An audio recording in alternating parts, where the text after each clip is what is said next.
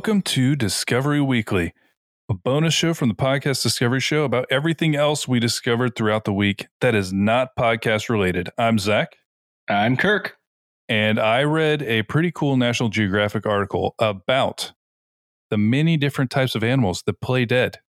Because uh, it's something everybody thinks of playing possum, but there Right. is there's several of these that do this, and it's also something that's interesting to scientists because it is a very risky move because you are going to pretend you're dead and if whatever is trying to kill you doesn't believe you you've just given up and it's very easy for it to kill you afterwards so Or if whatever's trying to kill you is just like, oh, sweet, I didn't even have to kill it. It's already dead. yeah It doesn't seem like a really good tactic in a lot of ways. it, it is and it isn't and that's why it's so interesting for them because it's you're you're you're going big this gamble's for real you're going for it um so here's a great word for you. Um scientifically known as thanatosis or tonic immobility playing dead occurs across the animal kingdom from birds to mammals to fish. Um the possum it says is the most famous death faker because it really is crazy. I don't know that they're very common down here and my dog used to get them like she would just catch them and they will literally just lay there. They'll open their mouth and their tongue will fall out and they will just lay on the ground and even if you poke it with a stick you can like see it breathing but it won't move. And it'll just lay there and if you leave it there it'll go away. Um but basically it also um excretes things to make it smell bad so that hopefully you don't want to kill it. Um and also guinea pigs and rabbits do the same thing and a bunch of different types of snakes do the same thing. There are several birds that do the same japanese quail Hmm. domestic chickens. I've never seen them do that. Wild ducks apparently do it. I think a lot of times they do this when they're being preyed upon you know? So if there's a predator that's when they'll do this and so that's when they do it. Um and and sharks apparently will also do kind of the same things. There's lots of invertebrates that do it so all over the place all over the like there's What- animals okay, that do this. I'm trying to think what is attacking a shark? Another shark that they're going to do Uh, this? i think it's usually sharks or whales like orcas Hmm. and stuff will kill sharks Yeah, that's true. I have I have seen that. Well, but yeah, so in TV. general, they're they're pretty high up on the uh, the food chain, so they don't have a lot of stuff. Um, so there definitely is some like in Japan, there's something called a pygmy grasshopper that when it has stuff around them, they play dead and they stick their legs out in every single direction because then frogs can't even eat them. They they kind of just like they can't go in its mouth. Um, but there's a lot of this that it's hard to even track. It's hard to get scientific data on this because it's when there's like a it's a prey versus predator thing happening. It's hard to get footage of this because it's hard to replicate. Um, there's a lot of insects that will do it to try and make them not get eaten, essentially. Um, and then it gets um, different. So there's some who do it for food gets or for sex.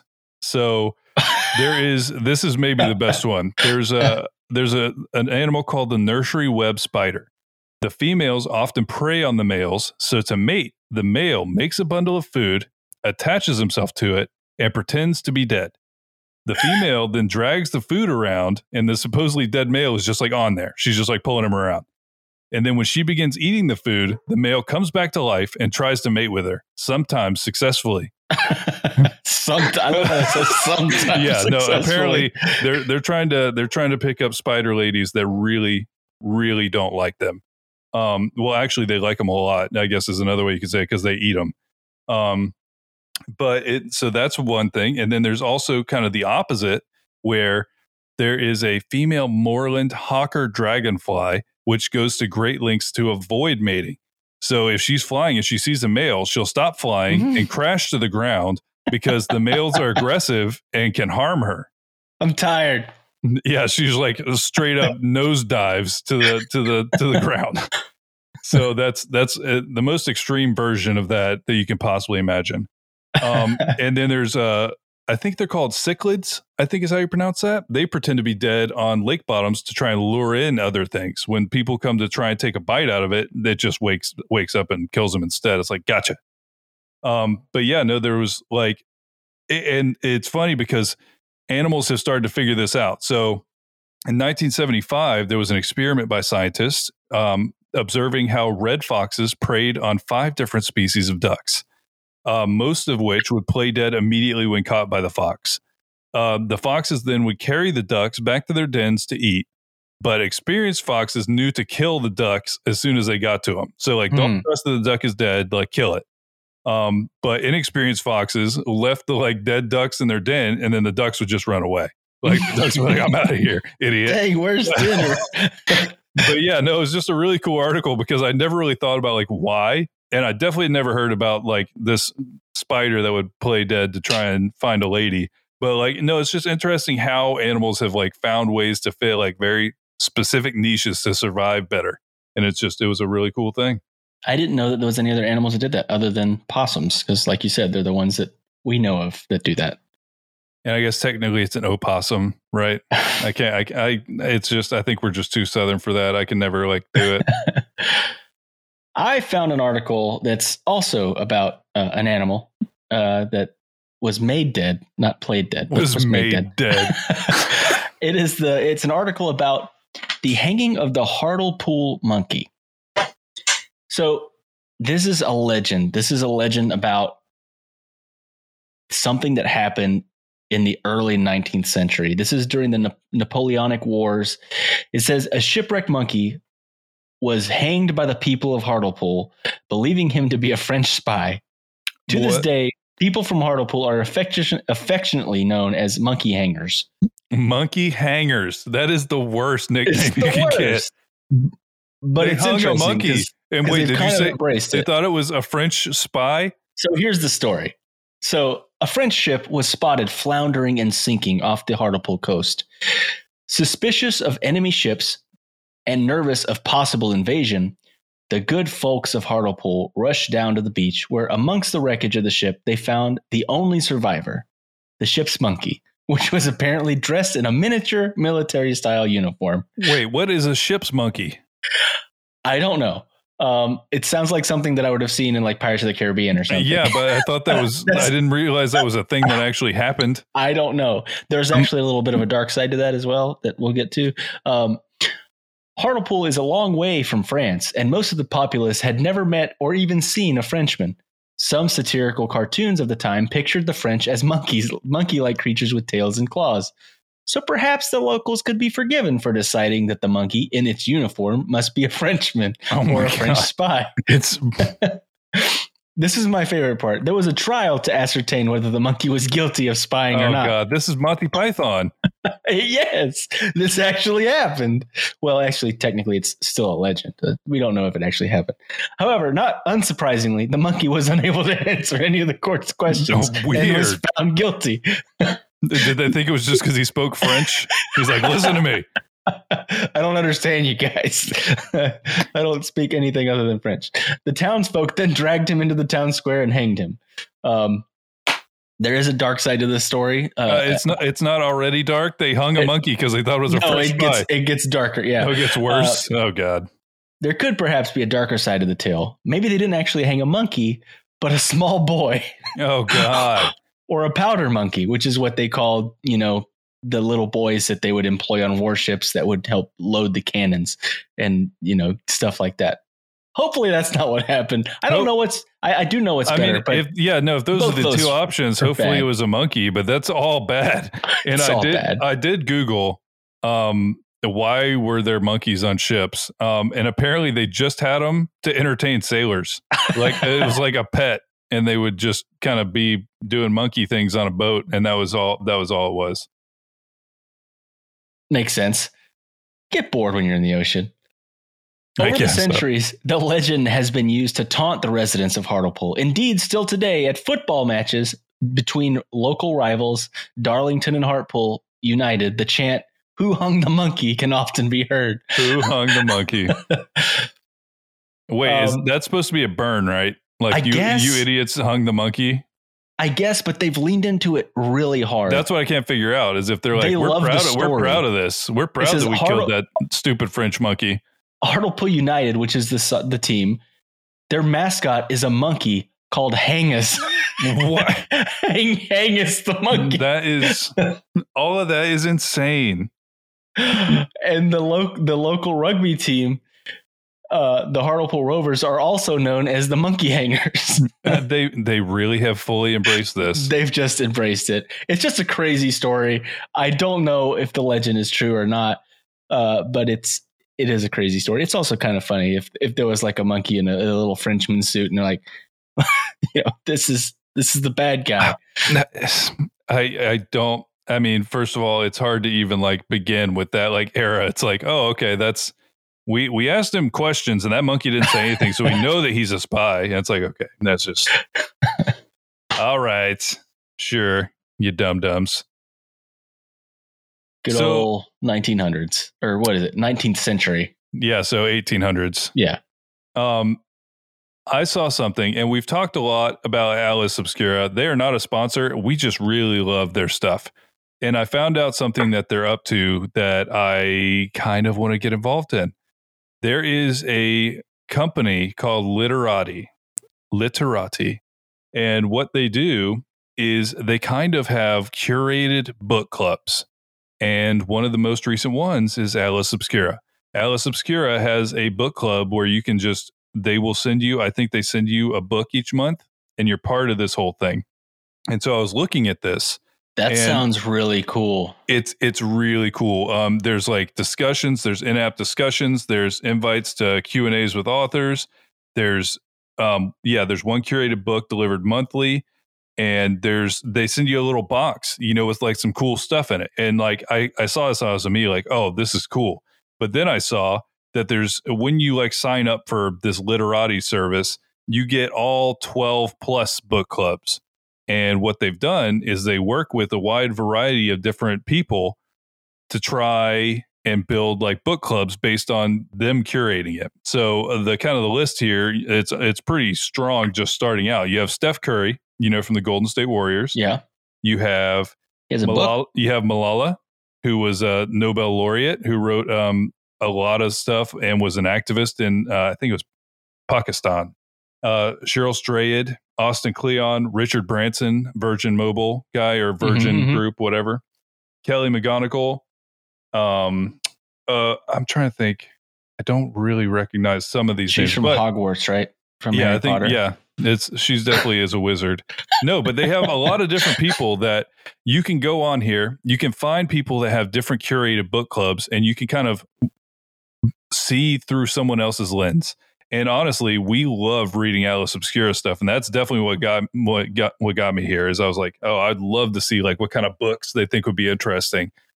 But it's a it's a really cool thing, worth worth checking out to be kind of in this in this thing. But yeah, I'm still on my kick of like old, uh, kind of like classics that we were made to read, or a lot of people are made to read that they usually don't want to, but they're classics for a reason. Some of them are amazing.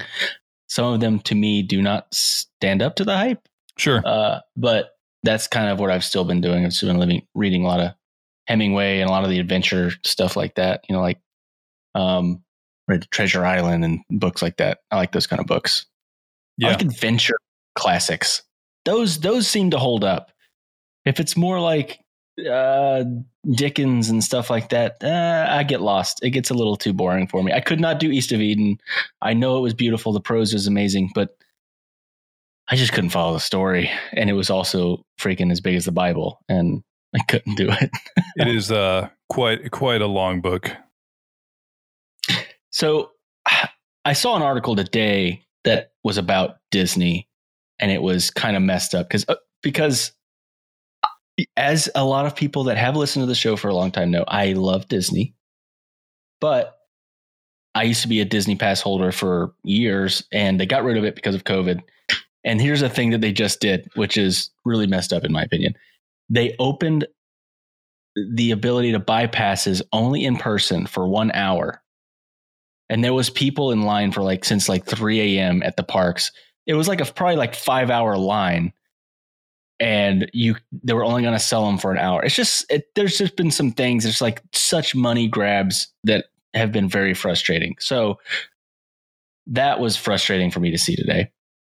And it just sours me on the whole thing. But i did read another article that made me feel a little bit more happy about the the legacy of disney as a company and more Disney the man. And it's about his housekeeper, which is an interesting take. Her name was Thelma Howard. And this article is from the LA Times Thelma Howard's Legacy of Hope. As a Disney housekeeper, she found her happiest place on earth. Her bequest will help children find theirs. He reminds us not to lose grasp of our dreams, reducing the process of hope and faith to its most simple terms that we need only to wish upon a star. When Thelma Howard entered the home of Walt Disney in 1951, she bought, brought her dreams with her, but it was a star that she lacked. For the first 30 years, Howard worked as a live in housekeeper and cook for Disney, his wife Lillian, and their two children. Her dreams were not lavish, nothing about her was. She did not ask for fortune or fame, only for her wounds to heal. She had this like they they talk a lot about her history and give a lot of her. She had a very sad past and stuff like that. Um, she was looking for laughter to replace lifetime of tears. When she died, the world learned this month that she left a surprise to her to help children's dreams come true. Thelma Howard was a handsome, quick witted woman who loved football and the color pink. She smoked cigarettes, played a cunning game of gin rummy, and baked a lovely boysenberry pie. Walt Disney referred to her as the real life Mary Poppins. Although her nickname around the house, why do kids not be able to say names right? And usually the names they make up don't make any sense. I mean, kids are Her stupid. name around her, her name around the house was Fufu, which is the closest one of the Disney children could come to saying Thelma. That makes sense. That's pretty close. Fufu is very close to Thelma. Um, Howard was treated with fondness and shared in the family's ups and downs. And here's where the story kind of like makes sense. It says each holiday season, Disney, Walt Disney, would return her and other employees, reward her and other employees with a gift of Disney stock. Of course, it wasn't worth much at the time, and many employees would have preferred cash, but he had stock and no cash, which is very true of Disney early on. Um, but just recently, she died last June 10th, days before her 80th birthday, and was buried in a pink casket at Forest Lawn in the Hollywood Hills overlooking Disney Studios. Last Tuesday was the first meeting of the Thelma Pearl Howard Foundation Board of Directors charged with carrying out her final wish. In her will, half of her estate was left to her son Michael, now in his mid 50s and living in Long Beach home. Um, the other half was benefit was to benefit disadvantaged and homeless children. All in all, it totaled over $9 million. Wow. Yeah. Um, said it was discovered that she had never sold any of her Disney stock, which through numerous splits had grown to 192,000 shares. Between 1980 and 1993, the stock has increased in value tenfold and was valued at 8.39 million. Her property and savings pushed that total to over 9 million. So basically, and she didn't even, it sounds like she didn't benefit from it at all in her life because she was just kind of someone that was always frugal and didn't really care for, you know, the trappings of money. But she always wanted to care for other people that were disadvantaged. Hmm. So that's where she allotted a lot of her, um, I guess her, her money when she passed away. It was a, it was a, it was a great story. Um, and there's a lot of other stuff in there about her life and and of course when she got sick and old people trying to take advantage of her which is just so messed up so messed up Yep. um, i mean literally literally there was a person that said he was married to her and tried to take all of her money the attorneys found that there was nothing that could corroborate a marriage and she, he ended up still settling with $24000 um, basically just because he said she was it's just it's just crazy Yeah. people are horrible hmm when it comes to money. Um, but she actually, to all the way to the end of her life, was still in contact with one of the children, Diane Disney. Um, and she, Diane would still send her flowers to her nursing home like every week and, and everything like that. So she really did mean a lot to the family. And uh, I thought it was really kind of a heartwarming story. No, that's really cool. Um, this is not so much heartwarming as it is as it is interesting. There is a new gadget that turns any alcohol into soft serve ice cream, including beer and cocktails. So, in the past, you weren't able to really do this very well. They would make like slushies, you know, because it's very difficult to freeze alcohol. And so they found a way. This company, I can't remember what they're called right now. Oh, they're called Below Zero. Below Zero has figured out a way to take any beverage you want to and turn it into a soft serve ice cream cone. And so what they're doing is and it's it's comes in at like 4300 euros. It's pretty expensive, Yeah. but bars are buying it. I was going to so say, but can- that's not bad for a bar tool. Right. So bars will just buy it and so essentially you can just get your drink as an ice cream cone. But because the freezing point of alcohol was so much lower than it is for anything else, it would always mess up the uh it would mess up the texture of it to even try and do it. But What's the secret? the secret is they have discovered a way of it sounds like they're using a nitrogen based gel that wraps around the alcohol molecules and can be frozen easier. So it's like Hmm. they found a way to encapsulate the alcohol in something that can be frozen and it comes out like soft serve. It's not like this ice cream you keep in your freezer. It's like softer than that, but you basically don't lose anything. You put in if you put in a mai tai, you are going to get like the exact same out as you put in, same alcohol percentage, same like flavor profile. They do have to decarbonate um, things that are like like whiskey and coke or whatever. They would have to take the carbonation out, but it ends up That seems like out. a crappy ice cream thing anyway. oh, Mai yeah. Tai sounds nice. yeah, no, mai tai would be great, or like a pina colada. Even it would just be refreshing. Heck yeah. But yeah, uh, we are right in the thick of summer, and I saw this article. I was like, I could go for a nice frozen mai tai. that would be fantastic. But yeah, you can also do it to beer, which who would want to do that? I don't know. Um, People I- people want frozen bread drink. I I guess I, I don't really know. But yeah, basically they just found a way to freeze alcohol. So if you ever see at your local bar this little box in the back that says below zero, there's alcoholic ice cream in there. And you can not let your dreams be dreams. So we can get a an old fashioned ice cream cone. Yeah, I guess so. Yeah, it just That- tastes like whiskey I don't mostly. know. I, I'm trying to think of how that would taste. I don't know. I don't I know if don't I like it or not. That one seems like I don't know. Uh, it's really hard to tell. But I would like to try find it. out. Yeah, I would try it. I would find out. I would find out. All right. Well, I think that does it for this week's episode of Discovery Weekly. Thank you guys so much for tuning in, and we'll talk to you guys next week. Bye bye.